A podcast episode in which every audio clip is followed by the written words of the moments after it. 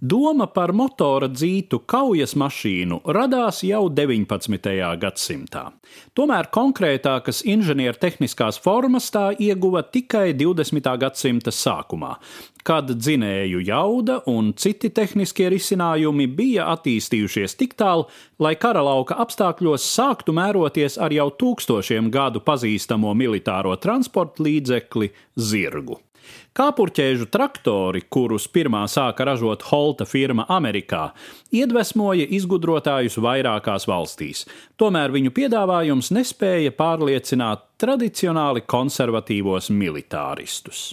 Situācija strauji mainījās, sākoties Pirmajam pasaules karam.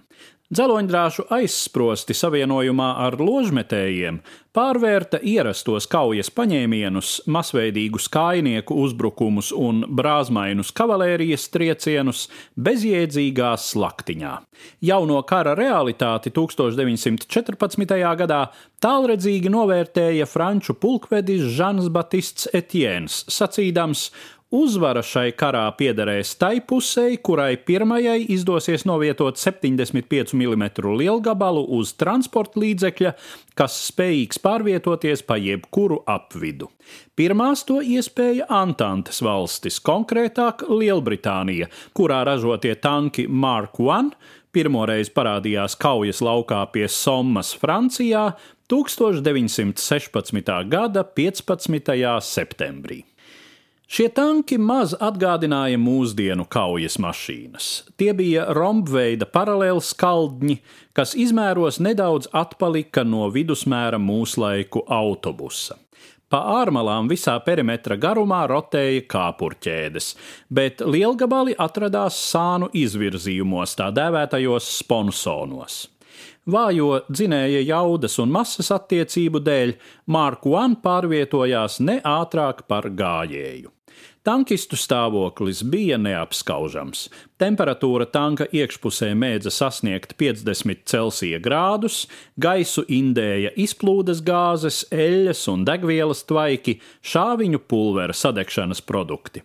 Pirmo tanku bruņas gan pasargāja no parastajām lodēm un šķembām, bet ne no bruņu sitējām lodēm, par artilērijas šāviņiem nemaz nerunājot.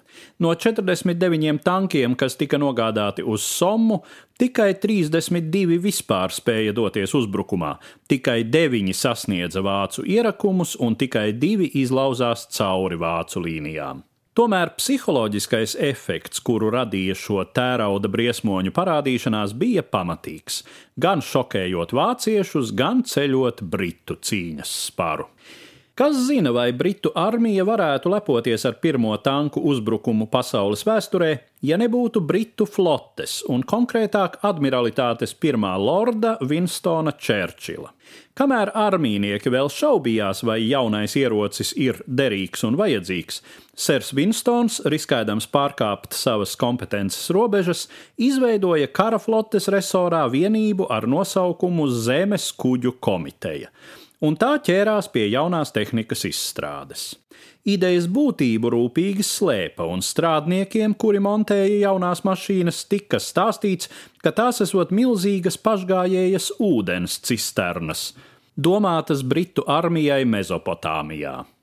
Angliski ūdenstvertne ir water tank, no kā arī radies tanka vārds daudzās pasaules valodās. Stāstīja Eduards Liniņš.